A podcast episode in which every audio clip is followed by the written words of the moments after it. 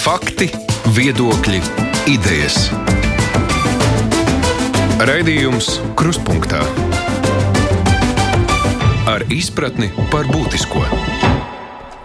Aizsmeļamies studijā. Šajā nedēļā skaļi izskanēja augšāna sociālās korekcijas iestādes vārds.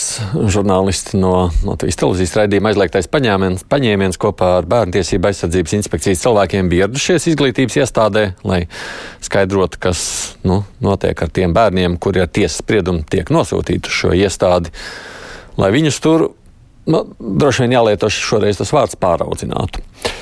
Tas, ko varējām vērot televīzijas ekrānos, lielā mērā arī atgādināja par cietumos stāstīto. Soda sistēma, karcerta, zeloņas tieplas, ģedaušķina. Raidījums bija ļoti kritisks.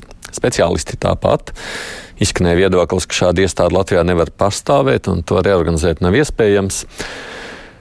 Mūsu uzdevums šodien nav runāt par to, kas augšānos notiek, un vai tur tiešām viss ir tik drūmi. Drīzāk, ko darīt. Mēs jau tik bieži nezinām, ko vispār darīt ar bērniem, kuri neiekļaujas ierastajā vidē, nu, nonāk tiesas redzes lokā. Izglītības zinātnes ministrijā par Naukšēnu skolas likvidāciju, cik es saprotu, īsti nerunā, bet kas tad varētu mainīties, kam jāmainās, ja runājam par šādiem bērniem. Turpinot šo kolēģi iesākto un risinājumu meklējot, tad šodien raidījumā esam aicinājuši piedalīties Izglītības un zinātnes ministrā Anita Mužniece. Labdien! Labdien! Nu, jāsaka, uzreiz ņemot vērā to saspringto situāciju valstī, šoreiz visi dalībnieki raidījumā piedalīsies attālināti. Tāpat studijā ir pieslēgusies Labklājības ministrijas parlamentārā sekretāre Vita Zālīte Grossa. Sveicināti! Labdien! Tieslietu ministrijas parlamentārā sekretāre Ilona Kronberga. Labdien. Labdien! Un arī pusauģu psihoterapijas centra vadītājs, bērnu psihoterapijas speciālists Nils Saks Konstantīnovs. Labdien! Labdien! Uz vispārējo jautājumu par skolu, jo nu, lielā mērā jau augšana ir skola. Skola kā tāda sociālās korekcijas iestāde. Ideja kā tāda vispār pati par sevi ir pieņemama. Kā tas notiek, es nezinu, pirms citās valstīs, nu, proti, doma. Kurš no jums varētu šo komentēt? Nu, es varbūt, uh, varbūt iesākšu, un uh, skaidrs, ka beidzamās nedēļas laikā uh, kopš pagājušās piekdienas, kad šīs ziņas par situāciju augšānos nonāca līdz izglītības un zinātnes ministrijai, tad jāsaprot, ka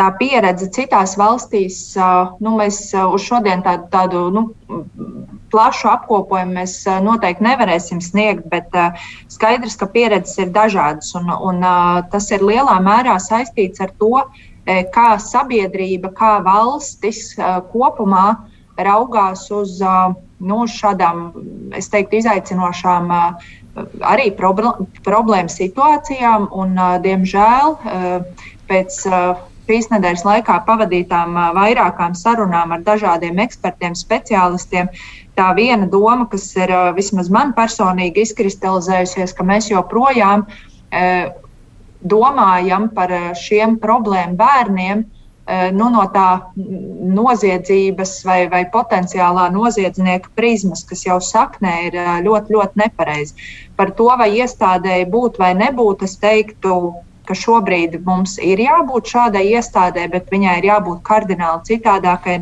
citādai nekā mēs to redzējām arī augšānu gadījumā. Labi, tālāk kā, jā, jā, par to, vai tādai jā. uz nākotni, mm -hmm. ka kopumā valstī ir ļoti jāstiprina darbs ar prevenciju, ļoti jāstiprina darbs arī ar ārpus ģimenes iestāžu darbu ar bāriņtiesām, lai mēs nonāktu līdz tam, ka faktiski šāda iespēja nav vajadzīga, bet tas ir ārkārtīgi garš ceļš.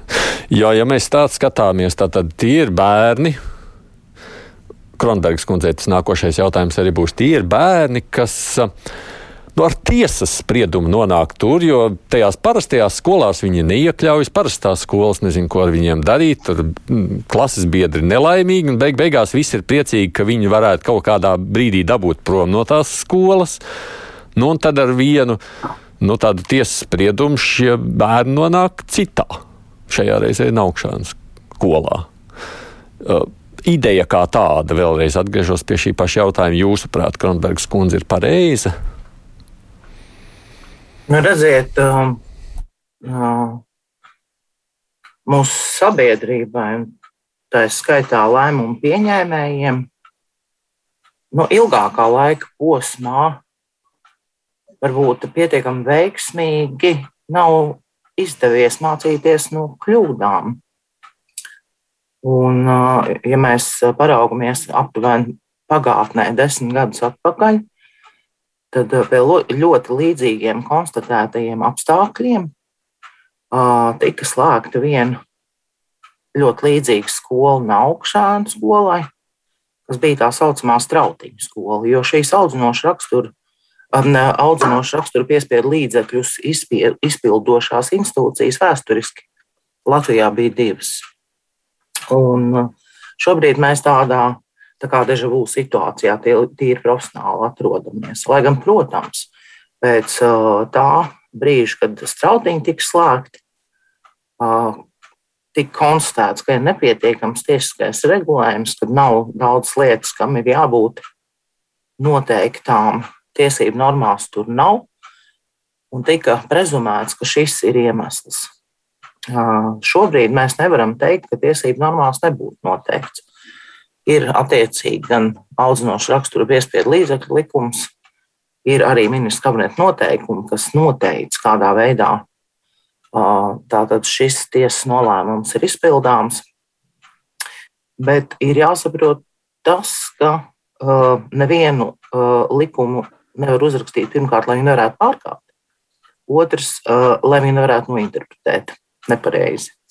Nu, un tad šeit ir jautājums par to, kādas ir šīs praktiskās piemērošanas lietas, ar kurām tiek izpildīts. Bet jūs um, sākumā teicāt ļoti vienu labu frāzi.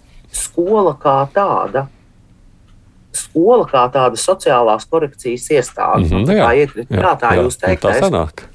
Kā tāda, nu, kā tā. atslēgas vārds ir kā tāda. Uh, manuprāt, ir te jāsaprot, uh, likumā ir ierakstīts, ka iestādes uzdevums ir veikt bērnu sociālās uzvedības korekciju. Un, tas ir galvenais uzdevums.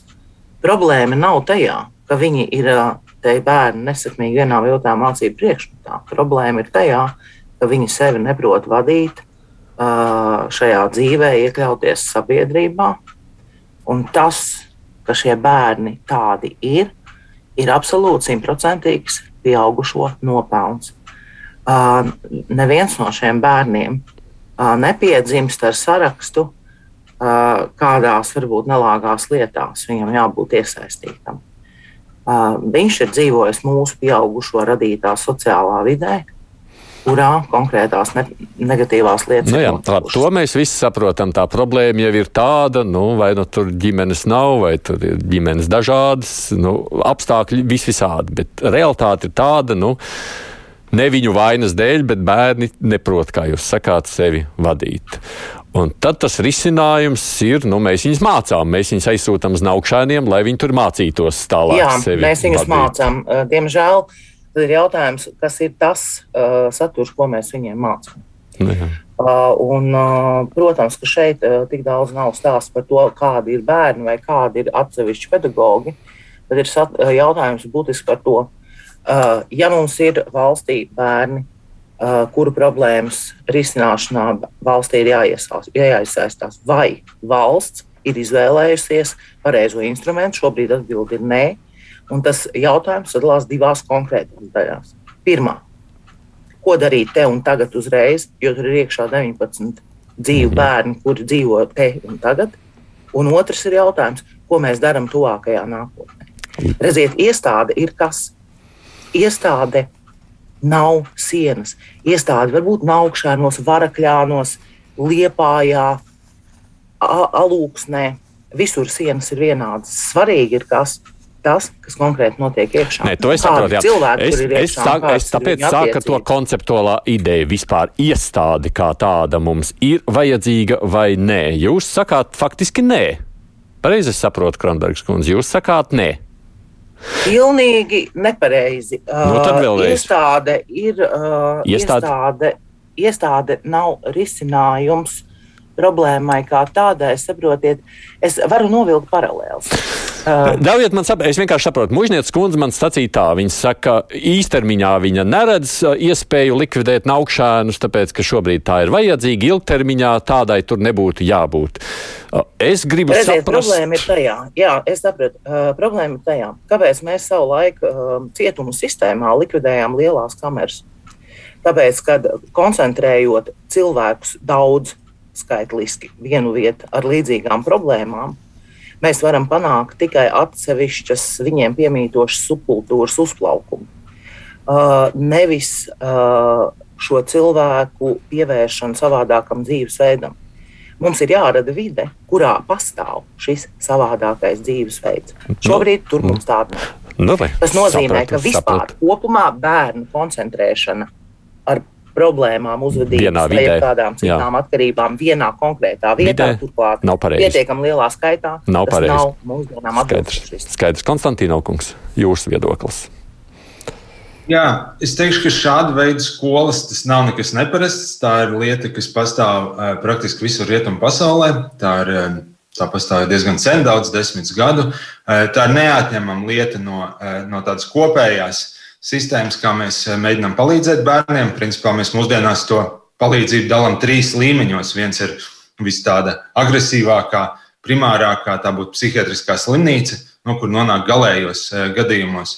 Tad ir otrais līmenis, terapeitiskās kopienas, kur bērni nonāk pusauģi ar konkrētām problēmām, un tad šajā kopienā viņi dzīvo ilgāk. Un Latvijā, starp citu, mums nav šī līmeņa vispār. Pēdējais tāds mēģinājums bija šķiet ar Bruknes šo nelabo piemēru. Un trešais līmenis ir jau tāds brīvāks, tas, ko mēs varētu saukt mūsdienu valodā, runājot par terapeitiskām skolām. Es domāju, šis vārds korekcija ir drusku problemātisks pats par sevi. Tas tā no padomu laika ir nedaudz nācis, jo ko, ko mēs izkurcējam, bet terapeitiskā skola tas, tas varētu būt tāds labs piemērs, kurā ir šie pusauģi. Tā ir ļoti mm, noteikti pusauģu kategorija. Mēs zinām no pētījumiem, ka šie ir pusauģi, kuriem tiešām ir milzīgi daudz uh, grūtību. Mēs zinām, ka viņi. Uh, Viņu dzīves izredzes iespējas ir daudz, daudz sliktākas. Mēs no pētījumiem zinām, ka, piemēram, šiem pusauģiem, kas nonāk šādu veidu skolās, viņu dzīves ilgums ir par 20 gadiem īsāks. Bieži viņi cieši vai nu vardarbīgās nāvēs, vai izdara suicīdus. Un no citiem pētījumiem mēs savukārt zinām, ka šīm skolām var būt pozitīva. Eh, pozitīvs efekts. Mēs zinām, ka, piemēram, Somijā ir ļoti labi pētījumi šeit veikti. Mēs zinām, ka aptuveni 50% bērnu mēs varam ar labu terapeitisko skolu šīs dzīves izredzes ievērojami uzlabot. Tad jāņem vērā, ka atkal šeit pat pie labākajiem apstākļiem tie ir tikai 50%. Šis ir ļoti sarežģīts eh, modelis, bet absolūti vajadzīgs. Un vēl mēs tomēr neesam vairs ne 40. ne 50. gados, un pat ne 2000. Mums ir ļoti liela pierādījuma bāze no kolēģiem ASV, no kolēģiem Skandināvijā, kā šāda tipa iestādes, kā šāda tipa terapeitiskās skolas veidot. Un mēs aptuveni zinām, kas ir tās lietas, kas strādā, kas ir tās, kas nestrādā. Eh, Mēs to zinām no pētījumiem, tas to sauc par pierādījumos balstot pieeja. Mums ir programmas, kas šādās skolās strādā. Un uh, es droši vien nevaru piekrist pilnībā Kronbergas kundzei. Iestādēm, ceļš šādām arī sienām ir nozīmes. Uh, un šādā ziņā mums ir uh, šķiet diezgan labs nu, kaut kāds pamats uh, ielikts. Bet um, uh, tas, kā droši vien mēs varētu ņemt vērā visu pieredzi, ņemt vērā tās lietas, ko mēs zinām, kas strādā, saprast, ka šīs skolas ir vajadzīgas. Droši vien Latvijā tās pat būtu vajadzīgas daudz vairāk. Un nu, tad domāt, kā no šī punkta mēs varam iet tālāk uz priekšu. Labi, man patīk, ka jūs te dažādi viedokļi parādās jau ar skaidrām niansēm. Zālīts Graskundze. Jā, es piekrītu Konstantīnam kungam, ka par šiem trim līmeņiem un vēl kaut paralēls ar uh, problēmām, ko mēs labklājības ministrijā identificējam sakarā ar pusauģiem, kuriem ir atkarība problēmas, mums patiešām šobrīd ir diezgan tukšs laukums šajā sakarā, gan uh, visos šajos līmeņos. Mums uh, tātad ārstēšanas līmenī ir liels iztrūkums. Terapeitiskās kopienas mums arī nav, uz ko es vērsu uzmanību jau, man liekas, vienā citā raidījumā, par ko mēs runājām. Neatceros, bija viens raidījums, acīm redzot, par, par ģimenes un bērnu lietu politiku. Un terapeitiskās skolas. Jā, šis viss ir kaut kas zināms un tā pašā laikā pilnīgi nerealizēts Latvijā. Ne, mēs neesam pārņēmuši tādas kopienu tipu principus. Un, tas, un ja mēs šo nedarīsim, tad mēs šajās sarunās, man liekas, būsim no reizes uz reizi, tas viss turpināsies. Mums tagad ir, protams, jāatrisina šis naukšana jautājums, un, un es ticu, ka kaut kādā veidā tas tiks izdarīts, bet tā problēma, ko es saskatu, ir cilvēku resursu trūkums, speciālistu trūkums visos līmeņos, tieši atkarībā šo jauniešu atkarībām, jo mēs dzīvojam patērētāja laikmetā, un un tās specifikācijas un profilu, kādus izvēlās studēt eh, psihologi vai psihiatri, vai, vai vienmēr mazliet eh, kā, ir attālināti no tiem vissarežģītākajiem gadījumiem, jo ar viņiem strādāt ir grūti. Man eh, nācās arī šajā sakarā sazināt, sazināties ar kādu kolēģi, kurš šobrīd strādā Austrālijā, tādā kopienas tipa uh, terapeitiskajā kopienas tipa mm, pakalpojumā. Un, un viņi teica, ka viņi pirms tam strādāja Zviedrijā, slēgta tipa, līdzīgi kā naukšēna. Un šie rezultāti tur ar šiem jauniešiem bija kaut cik necik labi, bet tas darbs tur ir tik grūts, ka šobrīd, pēc trim gadiem, neviens no šiem kolēģiem Zviedrijā vairs tur nestrādā. Tā kā tā nav Latvijas problēma tikai. Mm. Un šī, šī mainība jo cilvēki izdeg šajās, eh, šajos darbos. Protams. Otrs ir. Eh, tagad Austrālijā ir atvērta tipa kopiena, un, un viņi saka, ka tur eh, atkal nav rezultātu tik labi. Es pieņemu, ka mēs nebūsim izņēmums, un tā mums būs jautājuma zīme kādu brīdi. Bet tajā pašā laikā es uzskatu, ka, protams, problēma ir arī mūsu domāšanā. Jo šajā augšāņu skolā ir arī ir bērni no ģimenēm, kur ir izkrituši acīm redzam cauri visiem sociālās rehabilitācijas vai e, dažādiem sietiem, kur finālā ir atdūrušies no augšānos. Jo mums tomēr kaut kāda pakalpojuma, kaut kādi jau tie pakalpojumi tomēr ir. Bet acīm redzot, viņi nesasniedz šo konkrēto ģimeni. Šobrīd mums ir ļoti labi uzlabojumi. Mums ir uh, ģimenes asistents, jauna, jauns veids, kā palīdzēt ģimenēm. Jau vienu gadu bija pilotprojekts, šogad turpināsies. Ļoti vērtīgi. Uh, bet te pašā laikā un sociālajie dienesti, kā viņi strādā, vai viņiem ir algoritmi, kā strādāt Jā. ar ļoti sarežģītiem jautājumiem. Es tik tālu sapratu, Jā, Zālīts kundze. Es uh, reiķinos, ka man ir viena stunda, mazāk par stundu šai diskusijai. To, lai mēs uh, maksimāli pataisītu sietas ar mazākiem caurumiem, lai tur pēc iespējas mazāk nonāktu šādā skolā tas ir svarīgs temats, bet droši vien ne šīs diskusijas temats. Es gribēju konceptuāli vispirms paskatīties uz to ideju kā tādu skolu, vajag vai nevajag, un tāpēc man likās ļoti būtiski tas, ko jūs visi četri sacījāt.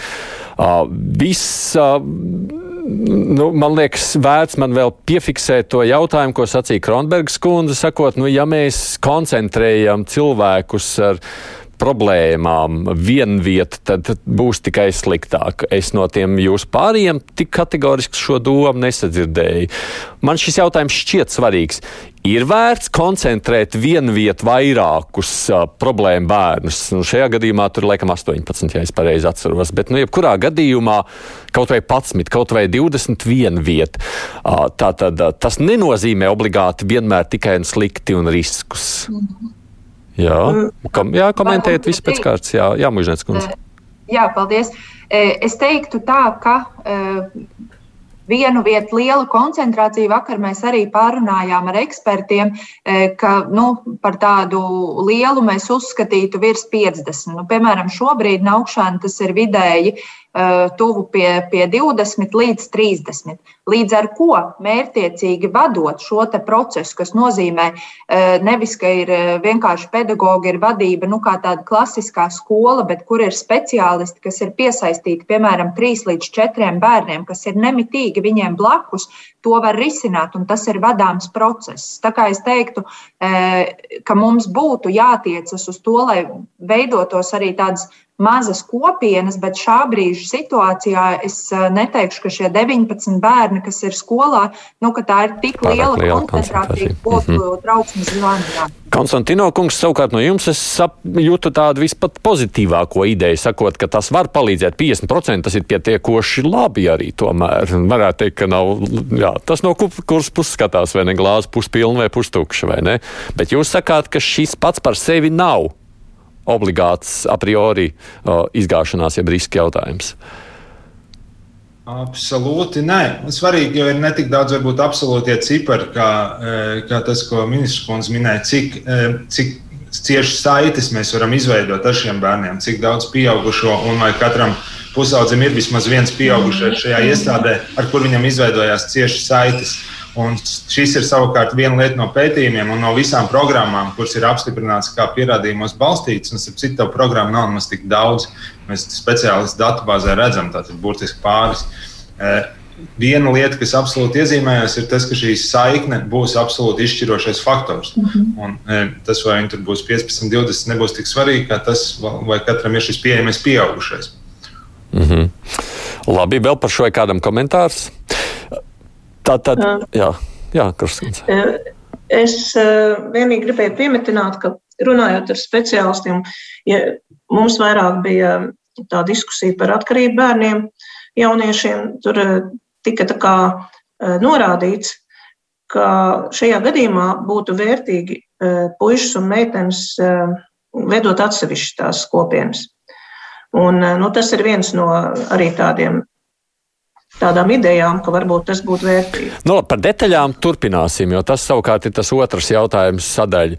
Tas, ko es no pirmā secinu no jums, nu, vairums sakāt, ka naukšāni kā tādi palikt varētu. Nu, tā tad ideja kā tāda, tā tad vieta, kurā satiekas. Jautājums tikai kādi šie naukšāni ir. Starp citu, runājot par sienām, nu, tādā tīri fiziskā nozīmē, māja, ēka ir skaista. Man pašam arī ir bijis iespēja tur būt pāris reizes.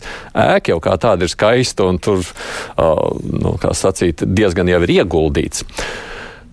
Ko nozīmētu savukārt, ja skola turpina būt, jeb iestāde, kādai tad tai ir jābūt? Terapeitiska skola.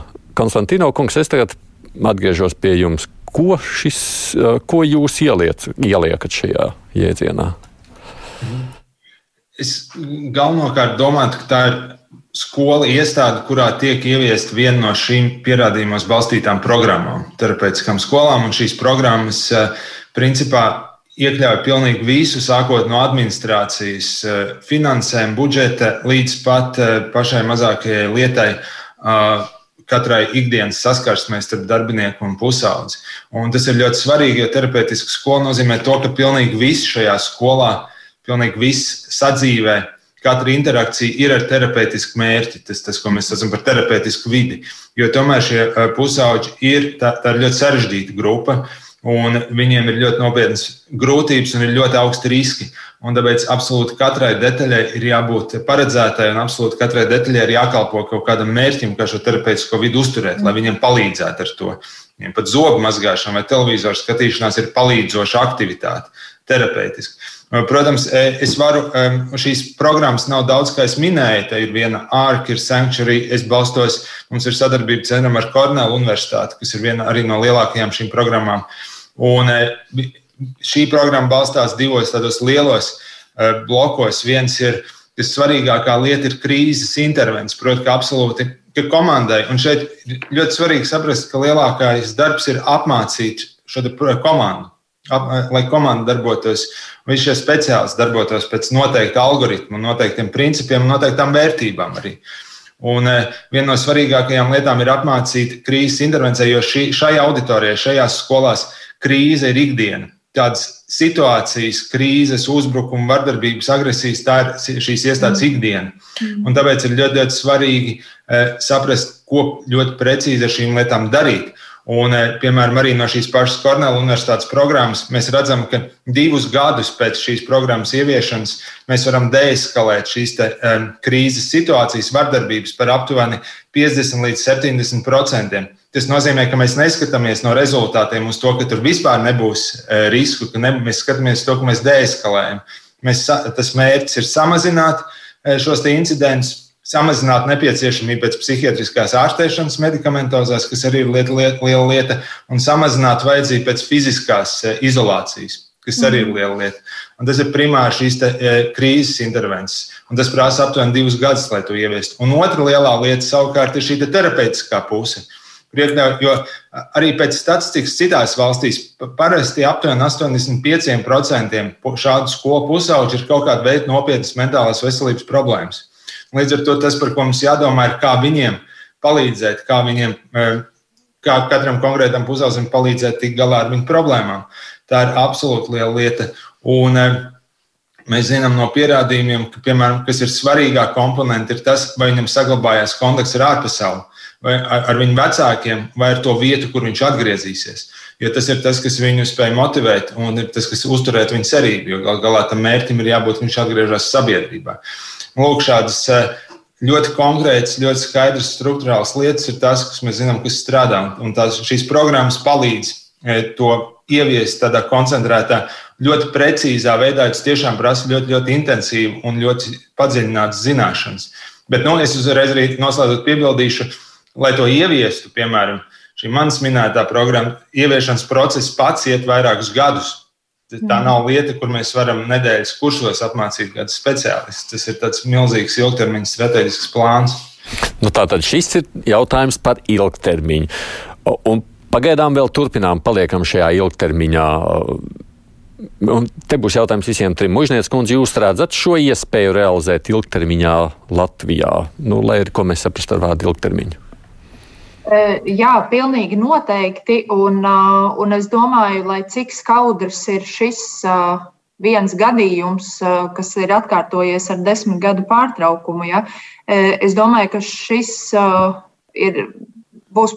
Nu, ja tā man nepatīk tā teikt, bet man tā ir jāsaka, kaut kādā mērā būs atvēris acis visiem valsts pusē, nu, ka, ka ir īstais brīdis tiešām mērķiecīgi kaut ko darīt, nevis ierakstīt vienu vai otru likuma normu vai pamainīt MK noteikumus un, un pēc būtības jautājumu nerisināt. Tā kā es domāju, ilgtermiņā jā, un, un ieliekot pamatus, protams, un, un paldies Konstantīnovam kungam, kurš arī pieminēja budžeta aspektu, jo ir absolūti skaidrs, ka uz šādu iestādi lai kāda programma tur tiktu īstenota, bet uz viņu mēs noteikti nevarēsim skatīties caur tādu klasisko izglītības iestādes finansēšanas modeli. Absolūti nē, tur cilvēku resursus ir vajadzīgs, tur ir tieši, tieši tā ir speciālisti un tam līdzīgi. Bet es, es nu, man ir pārliecība, ka tieši šobrīd, sparot pareizus soļus, uh, ir iespējams panākt to, ka mēs arī ilgtermiņā nu,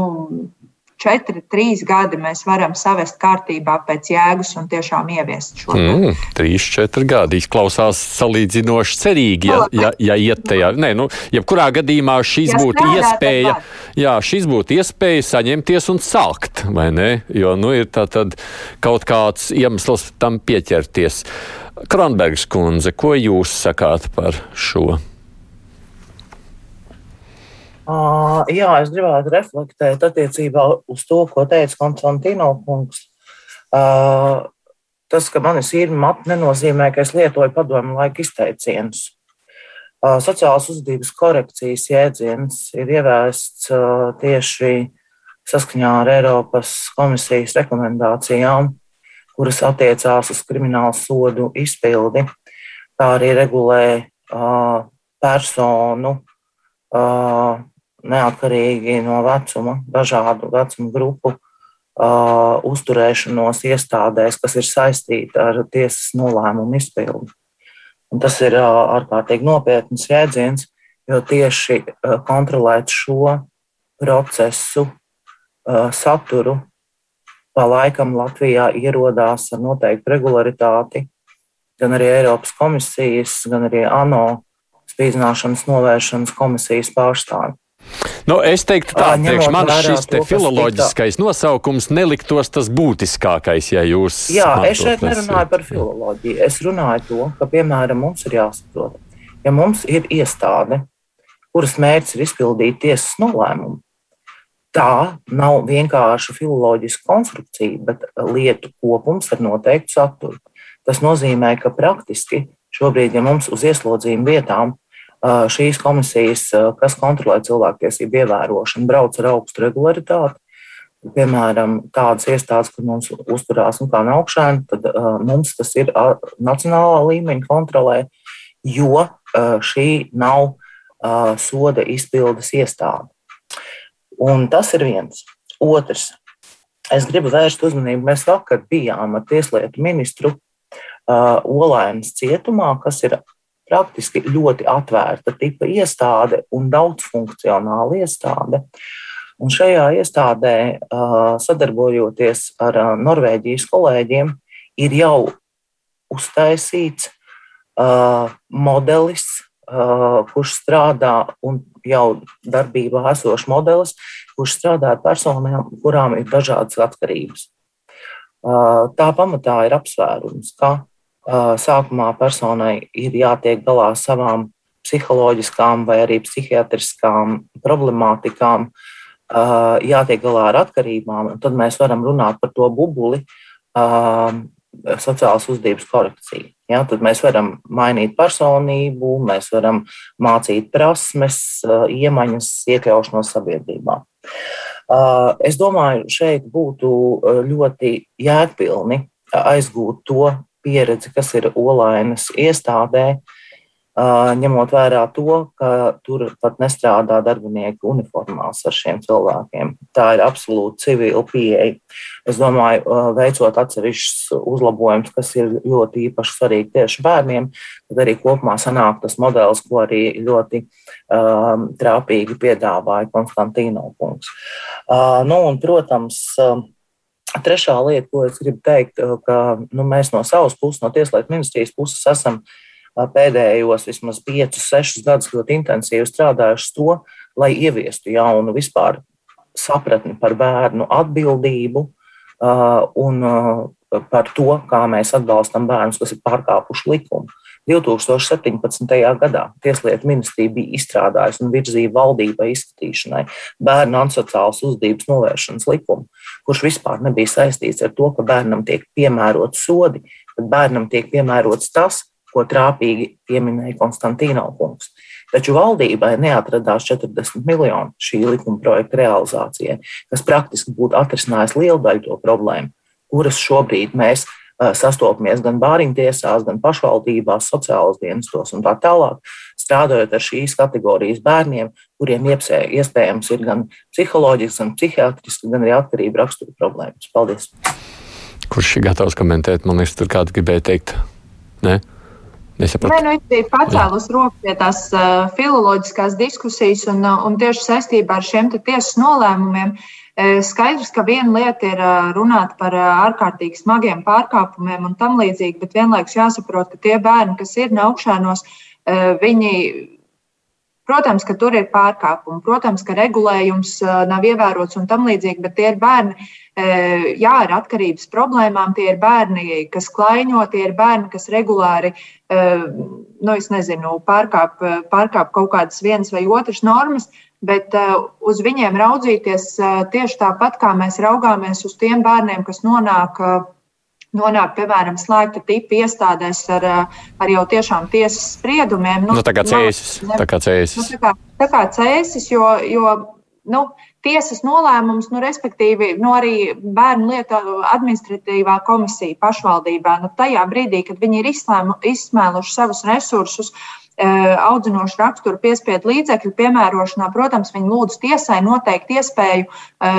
šiem bērniem dzīvot naukšanos un tur viņus nu, tātad, eh, resocializēt un, un veikt šo vai korekciju, vai kā mēs, viņu, kā mēs viņu nosaucam. Bet tie absolūti vēl nav tie bērni, uz kuriem ir jāraugās no, nu, no, no, ar tieši tādu pašu skatījumu, kā mēs skatāmies uz, uz cilvēkiem, kas ir ieslodzījuma vietās un tam līdzīgi. Jā, man jau gribētos, ka viena daļa nekad nenonāktu arī līdz tiesas spriedumam, un tur tā palīdzība jau būtu jādabūna ātrāk. Tas ir tas, ko Zālīts Graskunds teica, tad, kad mēs runājam par šo sietu. Dažas, pieminot dažas detaļas tajā visā, tas, ko es, protams, ieklausījos vai pieminēju, nu, ka tas prasīs naudu. Es dzirdēju arī tajā sižetā, ka ārprāts tur ir 18 bērnu un cik daudz skolotāju, vairāk nekā bērnu. Un, un, nu, to mums, laik, acīm redzot, pēc idejas ir jāsaprot. Jā, tur nevar būt tā divi skolotāji uz 18 bērniem. Tas pēc idejas eh, šādās iestādēs nemaz gribēdams nevar būt. Tas, ka tas prastu naudu, baigi daudz iztērējam no budžeta, tas prasīs vairāk naudu. Konstantīno kungs te teica, nu, ka tur ir kaut kāda fizisks ierobežojums, arī tas ar to ir reizēm jārēķinās, vai ne? Nu, proti, nav tā, mēs nevaram tik ļoti visi salikt tādā melnā baltā, vai ne? Visi te pūkaini, tur viss ir tik ļoti vienkārši. Šeit tādas pārsteidzīgus secinājumus nevajadzētu izdarīt. Bet tajā visā, protams, pieminētajā ir jautājums, ko darīt tagad. Ja, nu, labi, pārbaude būs, kaut ko jūs tur secināsiet. Tie skolotāji, cik es saprotu, arī šobrīd, nu, es pieļauju, ka viņiem tur ir ļoti bēdīgs noskaņojums par to visu. Viņi jūtās tā jau izdeguši, nomocīti, plus vēl tagad viss šī pārējā sabiedriskā nostāja.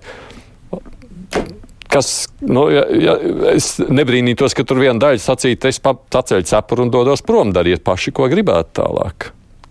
Jā, Kā diezgan, jā, diezgan precīzi. Es atvainojos, ka es atkal mēģinu, mēģinu pirmā tikt pie vārda, bet uh, skaidrs, ka tās īstermiņa lietas, uh, nu, uh, pirmais, ko mēs jau pagājušajā nedēļā piekdien mēs tātad atstādinājām direktoru, mēs uh, gaidīsim visus pārbaužu rezultātus. Es arī esmu iekšēji ministrijā uzsākusi pārbaudu par, par to, kā mēs līdz šim esam nonākuši un tam līdzīgi, bet ļoti labs punkts bija par, par tiem darbiniekiem, kas strādā. Es pilnīgi, nu, tur ir tādas divas daļas. No vienas puses arī, man liekas, pirmdienas raidījumā teicu skaidrs, ka nebija jau tā, ka tie pieaugušie, kas tur ir, neviens neko nezināja un neviens neko neredzēja, ka kaut kas nav kārtībā.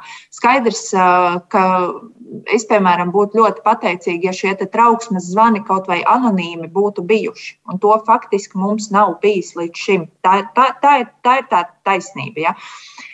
Bet, bet otra lieta, šobrīd arī mēs no ministrijas puses braucam, ir jāstabilizē situācija. Pirmais mēs mēģinām tomēr nu, kādu no esošajiem, kas vēl ir gatavi palikt tur uz vietas un, un strādāt, tātad nozīmēt par direktoru pienākumu izpildītāju, lai mums vispār ir cilvēks, ar kuru komunicēt. Un, un, nu, skaidrs, ka tie bērni tur ir.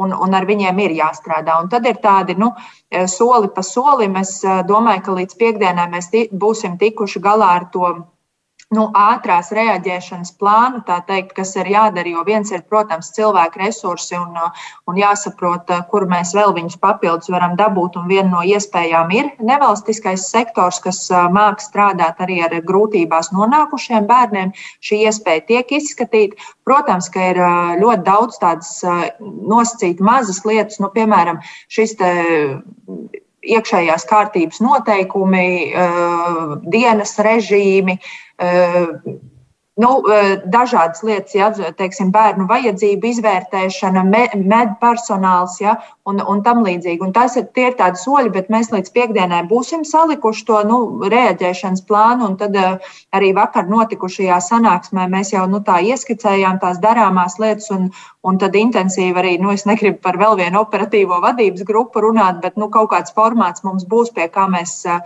šobrīd ļoti aktīvi strādāsim. Bet tā viena lieta, kas saistās ar cilvēku resursiem, resursiem un, um, un uh, ar, ar šīs iestādes, nu, kā tādas, uh, tādu reorganizāciju.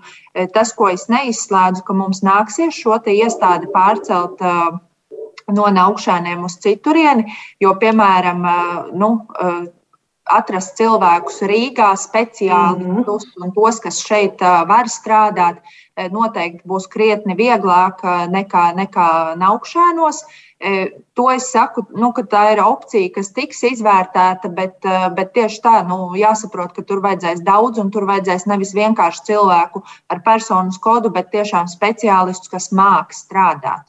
Un, un, nu, e, mēs izskatīsim iespēju jā, pārcelt šo iestādi tuvāk. tuvāk. Rīgai. Tuvāk Rīgai. Jā. Mm. Vai es pareizi saprotu, jūs visas trīs ministrijas esat iesaistītas šajā sadarbības jā. procesā? Mēs, mēs esam, vakar es biju sasaukuši šo sanāksmi ar uh, trīs mūsu ministrijām, jo tās visas uh, ir sagadījies tā, ka atbild par bērniem, un, un tas uh, kaut kādā ziņā ir palīdzoši. Mums piedalījās arī uh, probācijas dienests, arī ieslodzījuma vietu pārvalde ar savām zināšanām par cēsīm. Uh, ministriju kolēģi. Tā kā mēs strādājam, bet, kā jau teicu, tas paplašinātais formāts būs arī iesaistot nevalstisko sektoru, kas arī jau māk un jau ir lietas, ko nu, selektīvi dara un kur noteikti var nākt, nākt talkā. Ja, ja par savukārt šo pārejas periodu, Konstantino kungs, no jūsu tādas pieredzes, nu, varat kaut kā sacīt, nu, kas būtu jādara, lai šī pāreja ko mēs ceram no šī īstermiņa uz ilgtermiņu, būtu pēc iespējas labāka, labvēlīgāka? Tā pre, pre, precīzi, diemžēl, neko nevarēšu. Man nav bijusi iespēja piedalīties šajā izvērtēšanā, ne, pabūt tur uz vietas, bet no savas pieredzes man ir pieredze veidojot pakalpojumus. Es veidoju pusauģu resursu centru, mēs tāda daļa bija ideja aizsniegt to starp daļu no šiem bērniem. Un tā daļai nebija īpaši veiksmīga pieredze. Mēs diezgan ātri sapratām, ka šos um, augstā riska jauniešus ir ļoti grūti aizsniegt, daļa no tā arī no ministrs minētā. Pat Rīgā patiesībā jau neizdodas noklāpēt šādas cilvēku grupas, kas būtu īpaši interesēti strādāt, kur vēl, nu, teiksim, gatavi mācīties un veltīt tik daudz uh, laika tam. Un tas parasti beidzās ar to, ka mēs strādājam ar visvieglāk sasniedzamiem, tiem, kurus var aizvest pie psihologa uz kabinetu. Bet uh, uz jūsu jautājumu īsumā atbildot, es domāju, ka ir ļoti svarīgi, lai tiešām ir vienkārši viens, viens skaidrs vadība. Vai ir vēlams, protams, viens cilvēks, bet kāds, kurš šo te ved uz priekšu. Jo arī no iepriekšējām grūtajām, sarežģītajām pieredzēm var redzēt, ka idejas ir labas un, un, un bieži vien mēs jau visi zinām, ko darīt. Bet uh, tas mēdz izplūst starp, starp dažādām institūcijām un dažādiem speciālistiem ar dažādiem viedokļiem. Jo man šķiet, ka tā cerība ir, ka šajā procesā nu, izkristalizēsies tāds, tāds vadības centrs. Nu, galvenais, kas notiek ar tiem bērniem, nu, tagad tuvākā nu, mācību gads jau tikai sācies realitātē, ja? nu, tuvākā gada laikā. Kas tagad notiks ar viņiem? Jo nu, tur šobrīd es pieļauju, ir apjukums iestājies no visām pusēm. Ne? Jā, labi, es, es negribu izklausīties tā sarkastisks, bet uh, diez vai ar viņiem varētu notikt kaut kas, nu, teiksim, nav tā, ka viņi ir kaut kādā ārkārtīgi šobrīd struktūrētā sistēmā, un tagad pēkšņi tur viņiem kaut kas ārkārtīgi viss pazudīs kādu skolas dienu vai nedēļu. Tā vairāk, laikam, Kronbergs kundzei jautājums, pieņem, tur juridiski visādi, kas, kas, kas ar viņiem jānotiek un tā, bet no, no praktiskā praktiķis, no viedokļa var pateikt, nu, ka tikpat labi tur kā kaut kur citur. Šobrīd visur ir diezgan liels hauss šādā ziņā. Vai es pareizi saprotu, Kalnbergs kundze, nu, ka tiesas jau turpinās lemt un spriest, un kādā brīdī jau atkal jaunas bērns tur sūtīs. Taču tā tas ir vai ne pēc pašreizējās kārtības? Ziniet, kā? Es domāju, ka mums. Es, pa, es paskatījos arī uz šo visu tiesisko regulējumu. Un, ziniet, desmit gadi ir uh, mūsdienās ārkārtīgi liels periods. Ārkārtīgi liels periods ne tikai tāpēc, ka tur noplīst daž, daudz un dažādas kalendāra lapas ar dažādiem cipariem, bet tāpēc, ka mēs paši ļoti strauji mainamies. Mēs nepārtraukti mācāmies no tā, kas notiek. Mācāmies arī no nelāgiem piemēriem, kāds ir šis. Un uh, saprotams, to, ko arī Konstantīno kungs teica, 19 bērnu likteņus mēs varam atrisināt Latvijā, ja mēs visi liekamies klāt un izdarām. Ja? Protams, ka šeit ir jautājums par to, ka šie ir tiesas nolēmumi, un likumā ir ierakstīts, ka viņiem ir šis nolēmums jāizpild audzinošu raksturu. Tātad līdzeklis attiecīgā iestādē. Tas ir likumā ierakstīts. Nu, lūk, tas ir ierakstīts ne tikai audzinošu raksturu piespiedu līdzekļu likumā, bet arī krimināla likumā, arī krimināla procesā. Tas ir, ja? Tad tur ir vesela virkne to lielo smago normatīvu aktu īstenībā. Bet tas viss ir izdarāms, ja ir politiskā un cilvēciskā griba. Līdz ar to es domāju, 19 cilvēkus mēs varam atrisināt. Mēs noteikti runāsim par to, kādā veidā būtu jāraugās uz šo audzinošu rakstura piespiedu līdzekļu piemērošanu, kas ir saistīta tomēr ar ievietošanu iestādē. Un, es jau minēju, ka tur ir ļoti daudz arī starptautisko rekomendāciju attiecībā uz cilvēktiesībām. Visās tajās ir teikts, ka personas ievietošana jebkādā iestādē ir tas pēdējais līdzeklis, pēdējais solis. Un tas, par ko es neesmu pārliecināts, vai mēs tiešām esam ieguldījušies līdz galam un sameklējuši visus tos Nē. iepriekš pēdējos Protams, soļus. Un, uh, tas ir tas, kas, kas ir gan jādara gan tagad, gan tuvākā nākotnē, gan raugoties uz tālāk nākotnē. Jā, tā ir viena atsevišķa diskusija, pilnīgi noteikti. Šajā Protams. savukārt kontekstā ir vēl viens aspekts, ko es gribu jautāt. Nu, tas, kas nu, man liekas, tajā vīde cauri un cik no iepriekš par to ir bijis runāts, nu, lūk, jā, skola bija izveidota. Tur, nu, tur jau bija programma, pēc kuriem augšējiem sāk strādāt. Tas jau nebija tā, ka viņi tur uz dūlo paši izdomāja un kaut ko darīja. Bet tad iet gadi, un nu, viņi tur strādā, viņi tur ir, kaut kas jau tur notiek. Un kaut kādā brīdī tie, nu, tiem skolā, viņi jau paliek vieni tajā skolā. Tā, tā, tā administrācija vai kas nu, tur ir tie skolotāji 40, kas strādā, viņiem jau nav neviens, nekas palīdz, nekas padod, un tad tur uz vietas viņi mēģina risināt kādu māku. Kā nu māk? Apmēram tā. Ko darīt, lai tad, kad iz, no, strādāsiet nākošajā ilgtermiņā, pārcelsiet, pieņemsim, uz Rīgu, izveidosiet programmu pēc vienas vai pēc otras uh, piedāvājuma, kā Konstantīno kungs sacīja, un ka, neat, nu, ka paies atkal kādi gadi un būsim turpat?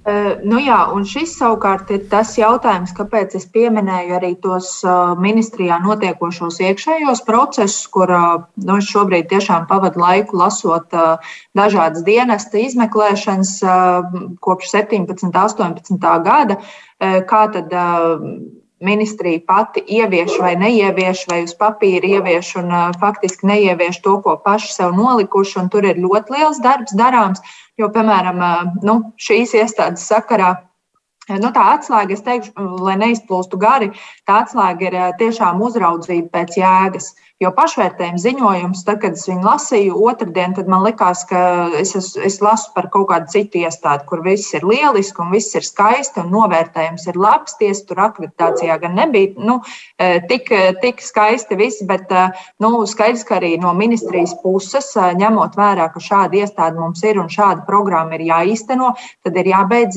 bakstīties tikai ar papīriem, bet tieši tāpēc arī atkal to Rīgu pieminēja, ka esot tuvāk arī uzraugošajām iestādēm, ir, un, un kas būs īpaši svarīgi tajā reorganizācijas un pārējais procesā, būt līdzās stāvošiem. Nevis tikai tā, ka mēs valsts pasakām, nu jā, tagad jums vajag darīt šādi vai citādi, un, un tad pēc pāris gadiem aizbraukt pārbaudē, bet tiešām būt par to iestādi, kas ir nu, nevis tikai normatīvā regulējuma izdevējs, bet arī palīgs. Arī tam direktoram, kurš nu tur būs, kurš vadīs, ka viņš zinās, ka viņš var vērsties vienā vai otrā vai piektajā jautājumā, un viņam nebūs starp, starp vairākām ministrijām un starp desmit atbildīgajām institūcijām jāfutbolē tas savs jautājums, līdz viņš saņem atbildi. Tas ir, nu, tas ir tas, kā es redzu, tikai un vienīgi, kā mēs varam ar šo strādāt. Tā kā problēmas ir arī, arī iekšēji, arī ierēdniecības līmenī, un, un tās mēs esam gatavi risināt šobrīd. Jā. Vēl viena lieta, ko es gribēju pajautāt šajā kontekstā, nu, tur tika pieminēta tā punktu sistēma, tur katram bērnam iedot tam līdzīgi, tad viņš tur kaut ko nopelna, var pavairot, kaut ko neizdara, viņam samazinās, un kas arī izklausās pēc programmas, vai ne? Tas nav tā uz dullo izdomāts. Konstantino kungs, cik ātri vispār šajā jomā nāk jaunas atziņas, mainās izpratne, liekas kaut kas labāks, kaut kas cits. Nu, proti, mēs izstrādājam programmu, cik ilgi mēs pēc tādas vienas programmas turpinām rullēt. Apmēram tā. Šis ļoti labs jautājums. Es tieši gatavojoties pārskatīju visus jaunākos uh, meta pētījumus šajā sfērā. Un mēs atgriežamies principā nu, turpat pie 60. un 70. gados pie amerikāņu psihoanalītiķiem un, un Reidlo. Mēs joprojām runājam ka terapeitiskā vide un attiecības būs tas izšķirošais faktors. Mm -hmm. Šī jūs minētā, tā saucamā žetona ekonomija, tā parasti ir visu šo programmas neatņemama sastāvdaļa, bet tā, protams, tās visas ir detaļas. Es domāju, ka tieši tāpēc ir svarīgi, um, bet kas nāk klāt, protams, mums nāk labāka izpratne par lietām, kas strādā. Nu, piemēram, karceri. Lielā daļā šo programmu ir bijuši karceri. Mēs šobrīd no, no, labie, no labām atziņām redzam, ka šie karceri pārsvarā tā nav efektīva metode, vai arī liela daļa līdzīgu iestāžu to joprojām izmanto. Nu, mēs varam šādas nianses eh, saprast. Un kāpēc ir arī svarīgi šīs programmas, tas ir kopējs, ka mums ir drusku atbild uz jūsu jautājumu. Tas pirmkārt dod kaut kādu iespēju visu laiku salīdzināt, tur ir kritēriji. Eh, mm. Vai šī programma strādā vai nestrādā. Un, ir, un, un tā ir daļa no lielākas sistēmas, tā ir daļa no, nu, teiksim, tāpēc šīs uzraugošās iestādes ir kaut kur ārpus valsts. Tā ir startautiska uh, programma, startautiskas kustības, un mēs visu laiku varam mainīties iespējām un, un tos ar rezultātiem. Un tas ir tāds noteikti process, kurā pretējā gadījumā skaidrs, ka mēs visi cilvēcīgi mēs reizēm zaudējam grožus, zaudējam šo te. Un tad parādās tā bezspēcības sajūta, un tas lēnām izslīd pat pie vislabākajiem nodomiem. Šī, šī tiešām ir ļoti sarežģīta ļaužu grupa, pusauģu grupa, ir ļoti sarežģīta tēma, un šeit ir nepieciešams ļoti specifisks zināšanas un, un, un darbs. Un, Jā. Nu, es arī vē, nu, vēroju, ko man ļaudis šeit šobrīd raksta. Ir daž, dažādas uh, uh, nu, versijas, jau at, uh, reakcija uz to, ko mēs šeit sakām. Nu, piemēram, Indra gan domā, ka nav gudri pārcelt smago bērnu izglītības iestādi uz Rīgu, jo pārceļot, tad atbildīgās personas atvieglo tikai savu uzraugošo funkciju, bet tās nebūs rūpes par labākām metodēm. Bet mums laikam ir jāsaprot, ka faktiski atrast uh, speciālists laikam ārpus Rīgas ir gandrīz gan īsti neiespējami. Jā.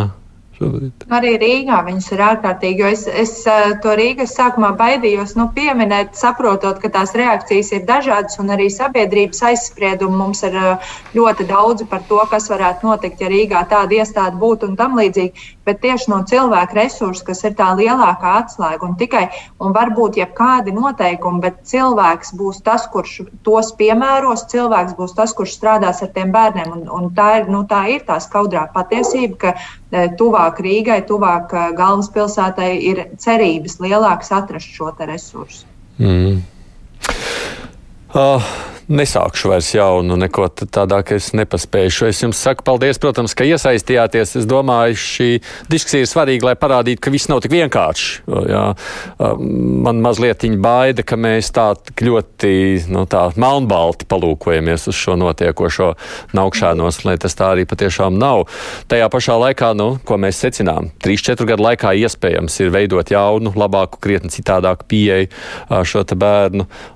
Nu, vārds glābšana laikam nebūs korekcija, vienalga terapija, lietosim, kā to jēdzienu mums labāk patiktos. Un, nu, tikmēr jādomā, kā šobrīd īstermiņā šo jautājumu risināt. Es jums saku paldies par veltīto laiku šai sarunai.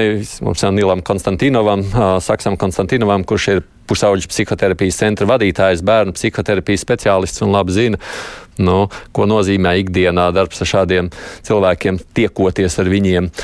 Izglītības zinātnes ministra Anita Mūžniec, Labklājības ministrijas parlamentārā sekretāra Evita Zālīta Grossa un Tieslietu ministrijas parlamentārā sekretāra Ilona Kronberga. Paldies jums par laiku. Kruspunktā producentiem Junām studijā biju es Aidis Tomsons.